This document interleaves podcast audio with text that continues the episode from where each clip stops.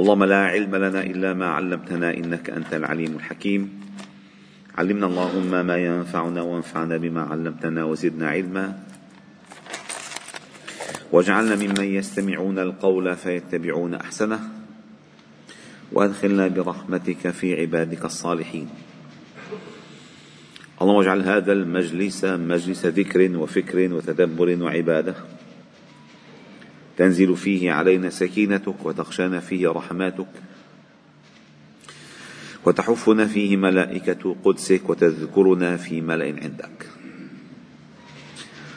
اللهم وافتح أقفال قلوبنا لفهم كلامك وتدبر آياتك والعمل بمحكمك والإيمان بمتشابهك والاستقامة على أمرك والإخلاص لوجهك والدعوة إلى سبيلك واتباع نهج أنبيائك. سبحان الله والحمد لله. ولا إله إلا الله والله أكبر. ولا حول ولا قوة إلا بالله العلي العظيم. عدد خلقه ورضا نفسه وزنه عرشه ومداد كلماته. اللهم افتح علينا أبواب الرحمة. وأنطقنا بالحكمة. واجعلنا من الراشدين فضلا منك ونعمة. ربنا اشرح لنا صدورنا ويسر لنا أمورنا. واحلل عقد ألسنتنا ليفقه الناس قولنا. اللهم أحسن عاقبتنا في الأمور كلها وأجرنا من خزي الدنيا وعذاب الآخرة. اللهم أغننا بحلالك عن حرامك وبطاعتك عن معصيتك وبفضلك عما سواك. اللهم لا نهلك وأنت رجاؤنا. اللهم اقذف في قلوبنا رجاءك واقطع رجاءنا عما سواك حتى لا نرجو أحدا غيرك. اللهم وما ضعفت عنه قوتنا وقصر عنه عملنا. ولم تنتهي إليه مسألتنا ولا رغبتنا. مما أعطيت أحدا من الأولين والآخرين من اليقين فخصنا به يا رب العالمين. اللهم إنا نسألك فعل الخيرات وترك المنكرات وحب المساكين وأن تغفر لنا وترحمنا. وإذا أردت بقوم فتنه فاقبضنا إليك غير خزايا ولا مفتونين. اللهم آمنا في أوطاننا. اللهم آمنا في مساجدنا. اللهم آمنا في بيوتاتنا. اللهم آمن روعاتنا. واستر عوراتنا واحفظنا من بين أيدينا ومن خلفنا وعن أيماننا وعن شمائلنا ومن فوقنا ونعوذ بعظمتك أن نغتال من تحتنا. وبعد أيها الأحباب الكرام لا نزال معكم في تدبر سورة المؤمنون. وقد شرحنا لكم الصور الهائلة الجميلة التي ذكرها الله تعالى في أوائل هذه السورة. اولا صفات المؤمنين ثم خلق الإنسان من هذه السلالات السلالات الطينية والسلالات المائية. ثم هذا الخلق العظيم الذي بثه الله جل جلاله في هذا الكون مما فيه منافع للبشر. فالله سخر لنا ما في السماوات وما في الأرض جميعا منه. وذكرنا لكم هذا الماء الذي جعله الله تعالى سر الحياة والذي جل الله تعالى في علاه ما ترك لأحد وسيلة أن يصنع مثل الماء. وأنا على ذهاب به لقادرون وما أنتم له بخازنين. والله أنشأ بهذا الماء الجنات المختلفة الألوان والمنافع والأشكال. وجعل الله لنا من هذه الشجر أو من هذه الثمار أنواع مختلفة تخص حياتنا بداية وهو الزيتون والزيت. هو أساس كل شيء لأن الله جل جلاله عندما ضرب مثلا لنوره مثلا لنوره. ونوره كما أجمع المفسرون أي هدايته في قلب المؤمن. الله نور السماوات والأرض. مثل نوره كمشكاة فيها مصباح المصباح في زجاجة. الزجاجة كأنها كوكب دري يوقد. هذا المصدر يوقد. من شجرة مباركة زيتونة لا شرقية ولا غربية. يكاد زيتها يضيء ولو لم تمسسه نار نور على نور. يهدي الله لنوره من يشاء ويضرب الله الأمثال للناس. والله بكل شيء عليم. هذا النور. فعندما الله تعالى يذكر لنا هذه الشجرة تخرج من طور سيناء تنبت بالدهن وصبغ للآكلين. اي أساس الاحتكاك. ثم بعد ذلك الأنعام الذي جعل الله لنا فيها الشراب المفيد واللحم الطيب. ثم بعد ذلك قال ومن وعليها وعلى الفلك تحملون. ثم انتقلنا في المقطع الرابع إلى قصة نوح عليه السلام. وسنلاحظ الآن لأن نحن تدبرنا قبل سورة المؤمنون سورة الأنبياء. سنلاحظ وتذكرون أن في سورة الأنبياء الله تعالى ذكر ستة عشر نبيا. الآن ستأتي الآيات تذكر ملامح عامة عن الرسل وتختصر بقوله ثم أنشأنا من بعدهم قرنا آخرين أو قرونا آخرين. لأن المقصود فهم حقيقة الرسالة. لأن الإنسان مثلا إذا علم أنه لا بد للناس لا بد للناس من رسول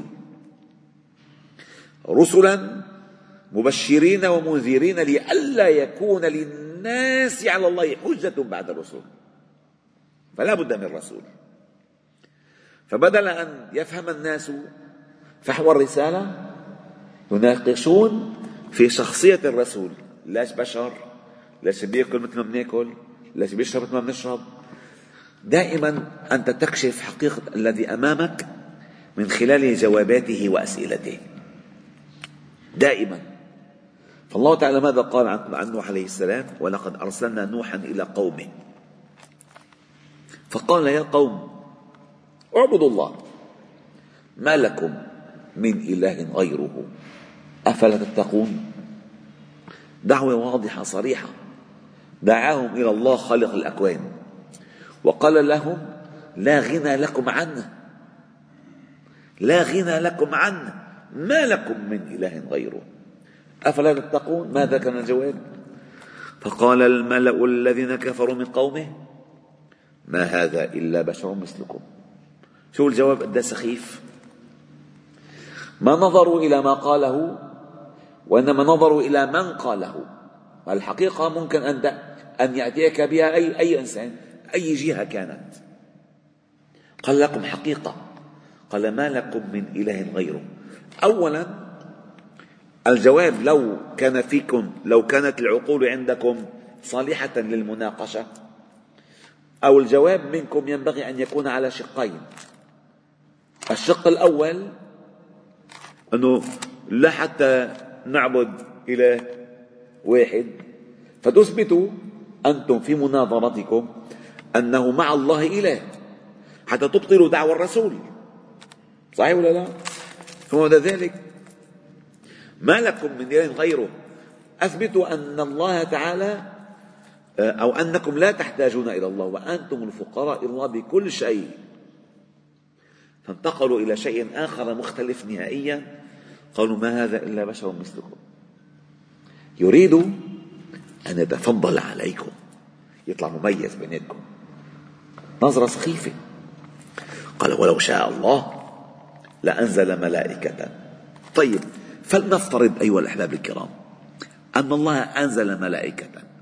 لو أنزل ملائكة ألا تدعو الملائكة إياكم بنفس دعوة نوح؟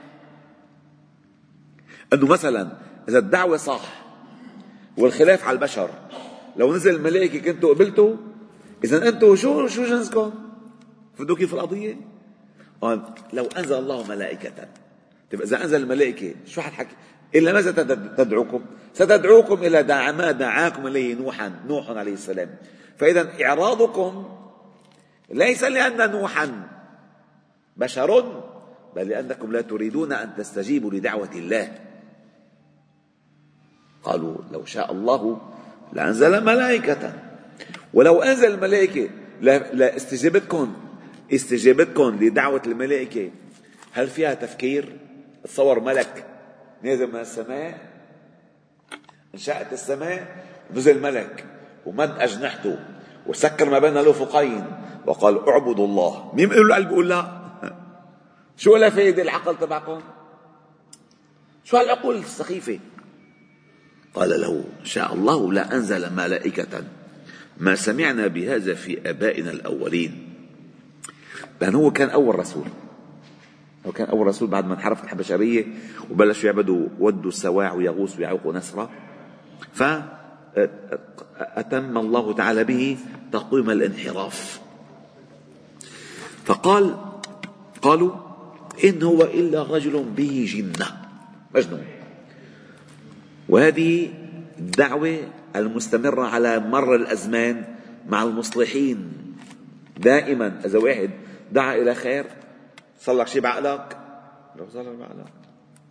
كلهم في سورة الأعراف قالوا له إنا لنراك في ضلال مبين. قال يا قوم ليس بي ضلالة. وهود ماذا قال له؟ إنا لنراك في سفاهة. ما بي سفاهة؟ لا تكون في سفاهة. سفيه يدعوكم إلى هذه الدعوة؟ فقال إن هو إلا رجل به جنة مجنون. فتربصوا به حتى حين. يعني تابعوه والله بده ياخذه ويريحكم منه وما تردوا عليه. فتربصوا به حتى حين. فعندما يأس 950 سنة اختصرت في هذه الآيات. فعندما يأس منه قال ربي انصرني بما كذبون. سورة القمر سورة والله العظيم. كلما أقرأها أنا أشعر أني أقرأه لأول مرة. سورة خطيرة خطيرة خطيرة كثير. يا لطيف. اسمعوا ماذا قال الله تعالى عنها. وتصوروا المعنى المعنى تصوروه قال كذبت قبلهم قوم نوح. فكذبوا عبدنا. وقالوا مجنون وازدجر. فدعا ربه أني مغلوب فانتصر.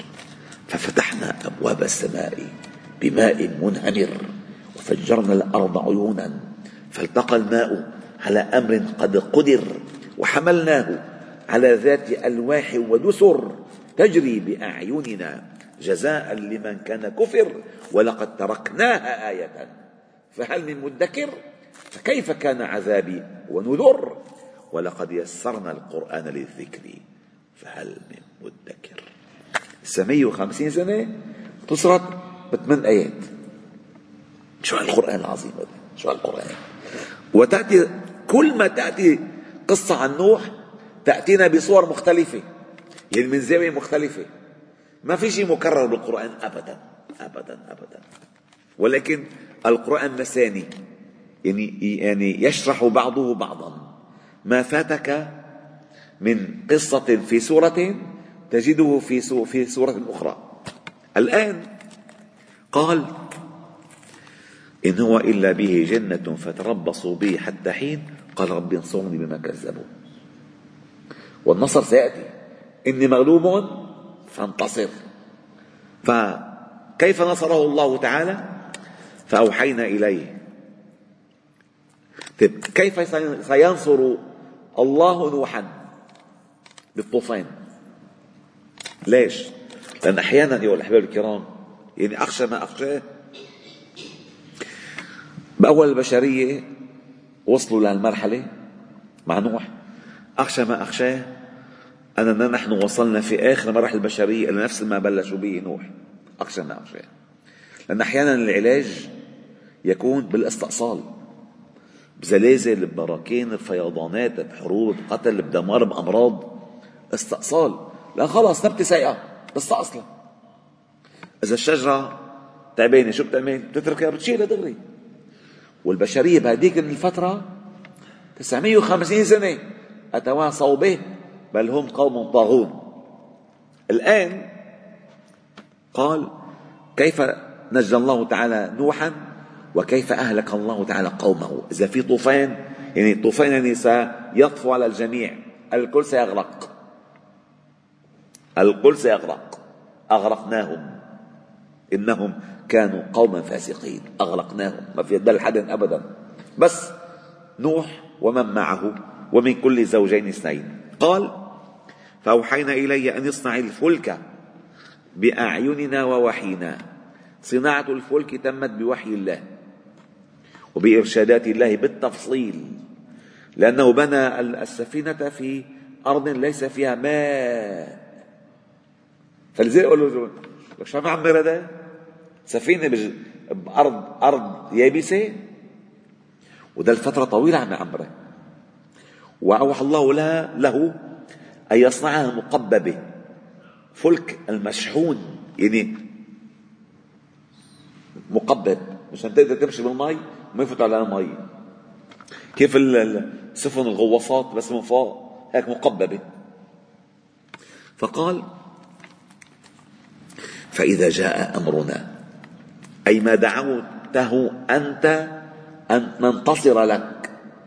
فإذا جاء أمرنا. وسنعطيك علامة. وفرت النور. أي تغيرت معالم. التي تتعود عليها تغيرت. التنور الحامي اللي بيحموا فيه. وبيدفنوا فيه بيطلع منه مي. راح المي. ما أنا هزي بعدك ما أنا هزي أنا وقعت. ف لأن المي المي هي أحسن ضيبق في العالم. على مر التاريخ يعني المي إذا ثابته ثابته بيقيسوا بالهندسه إلى الآن بالهندسة إلى الآن أكبر مهندسين ليك أبو جبريل بالمي. نبريش المي. سبحان الله الشقله بالمي. فالمهم قال وفر التنور أصبح من من أعماق الأرض يخرج الماء. والتقى الماء من فوق على أمر قد قدر. فاسلك فيها من كل زوجين اثنين. أيها الأحباب الكرام كل أغلب أفلام هوليود اللي بيعملوها أصل فكرته صح والقصد من فكرته تحريف الصح. كل أفلامهم ينطلقون من نظرتهم التلمودية إلى البشرية. فينطلقون بمبدأ فكرة صح؟ ويصلون إلى نتيجة خطأ مئة في المئة. بصوا الناس أوه نوح عم فيلم عن نوح. حرفوا كل قصة نوح. عملوا فيلم عن إبراهيم حرفوا كل قصة إبراهيم. عملوا فيلم الألفين 2012 وكمان صوروها نفس الأمر وصوروا السفن كلها مقببة. وصوروا إنه كل الناس عم يجيبوا من زوجين اثنين اثنين اثنين. ولكن كان كلها محرفه هذا هدفهم التحريف الدائم. فقال فإذا فأردت النور فاسلك فيها من كل زوجين اثنين. ما شاء الله له وأوحى الله أن يضع في هذه السفينة حتى تستمر البشرية بعده وأهلك. إلا من سبق عليه القول منهم. وهو ابنه وزوجته. زوجته كانت خائنة وابنه كان مع الكافرين. قال يا بني أركب معنا. ولا تكن مع الكافرين. قال سآوي إلى جبل. يعصمني من الماء. قال لا عاصم اليوم من أمر الله إلا من رحم. فلما بيجي أمر الله اوعى حدا يظن إنه في مفر. لا مفر. وإن من قرية إلا نحن مهلكوها قبل يوم القيامة أو معذبوها عذابا شديدا. كان ذلك في الكتاب المسطورة. نحن نعيش في مرحلة خطرة جدا جدا جدا. اولا البشرية تكاد أن تجمع أنها ما بدها دين. وتكاد أن تجمع ما في علاقة لله بهذا الخلق ولا بقوانيننا ولا باقتصادنا ولا بأمننا ولا بسياستنا ولا بأسرنا. تكاد تجمع. ما في عذاب ما في ما في عذاب ما في انذار. وما نرسل بالآيات إلا تخويفا ونخوفهم فما يزيدهم إلا طغيانا كبيرا. سبحان الله. هلا المغرب صار في هزة المغرب ها؟ أنا عم بصلي هزة. سبحان الله. الخطر بالموضوع إنه نحن نتأقلم على الموضوع هذا الخطر. إنه إيه هزة هي هزة هي هزة. لا لا هزة. وما نريهم من آية إلا هي أكبر من أختها سبحان الله. قال إلا من سبق عليه القول منهم ولا تخاطبني في الذين ظلموا. إنهم مغرقون. خلاص قضى الله تعالى عليهم بالغرق. الطوفان أخذ كل شيء. ورد أربعين يوم. أربعين يوم.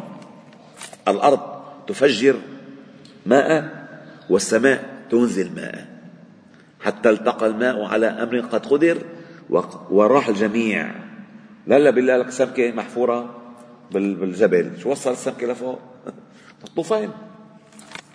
طوفان أصلا البراكين والزلازل أصلا كما ذكرت لكم سابقا. كيف الله أهلك؟ قوم هود يعني عاد. كيف أهلك؟ الرشفة والصيحة والريح. ثلاثة مع بعض. ومن الذي أرسله الله تعالى إلى قوم فرعون؟ الطوفان الجراد قمل ضفادع الدم والأخذ بالسنين ونقص بالثمرات. هيك.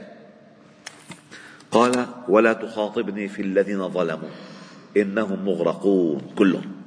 فإذا استويت أنت ومن معك على الفلك فقل الحمد لله الذي نجانا من القوم الظالمين. وقل ربي أنزلني منزلا مباركا وأنت خير المنزلين. هو لا يعلم أين يمشي. سورة هود عليه السلام قال الله تعالى فيها وقيل يا أرض بالنهاية وقيل يا أرض ابلعي ماءك. شوف الآية ده خطيرة. الله يخاطب الأرض بماء. وقيل يا أرض إذا ما بيتحرك ماء بالأرض إلا بإذن الله. حتى ورد في حديث وإن كان في ضعف أن البحر كل يوم يستأذن ربه. كل يوم. بيطلع على الناس ولا ما بيطلع؟ فينحني خضعانا لله تعالى بموجه مسبحا. وإلا شو بيمنعه يطلع؟ لما طلع. ما طلع ببالي بأندونيسيا ما طلع. 450 ألف قتيل. بلحظة. بلحظة بلحظة. كل شيء اختفى. شو بيمنع؟ قال آه سورة, آه سورة الشعراء أتتركون فيما هاهنا آمنين؟ أحد يأمن من مكر الله؟ حاشا. فقال وقل رب أنزلني منزلا مباركا وأنت خير المنزلين. وقيل يا أرض ابلعي ماءك ويا سماء أقلعي وغيض الماء. رجعوا كل شيء محله. وقضي الأمر ماتوا واستوت السفينة على الجودي على الجبل وقيل بعدا للقوم الظالمين. هنا الله تعالى قال وقل رب أنزلني منزلا مباركا وأنت خير المنزلين إن في ذلك لآيات. أي ما حصل مع نوح؟ كيف بدأت البشرية؟ كيف أهلك الله البشرية التي قبل؟ وكيف أنشأ الله البشرية بعد؟ لآيات وإن كنا لمبتلين أي البلاء مستمر. ما دام فيك آه، آه، آه، قلب ينبض وعين تطرف لا بد من البلاء. وإن كنا لمبتلين. ثم أنشأنا من بعدهم أي قوم نوح قرنا آخرين. ونفس القضية حصلت معهم وسيأتي تفصيلها إن شاء الله تعالى في مجلس سابق لاحق. والحمد لله رب العالمين. سبحان الله وبحمدك نشهد أن لا إله إلا أنت نستغفرك ونتوب إليك وصلي وسلم وبارك على محمد وعلى آله وأصحابه أجمعين والحمد لله رب العالمين.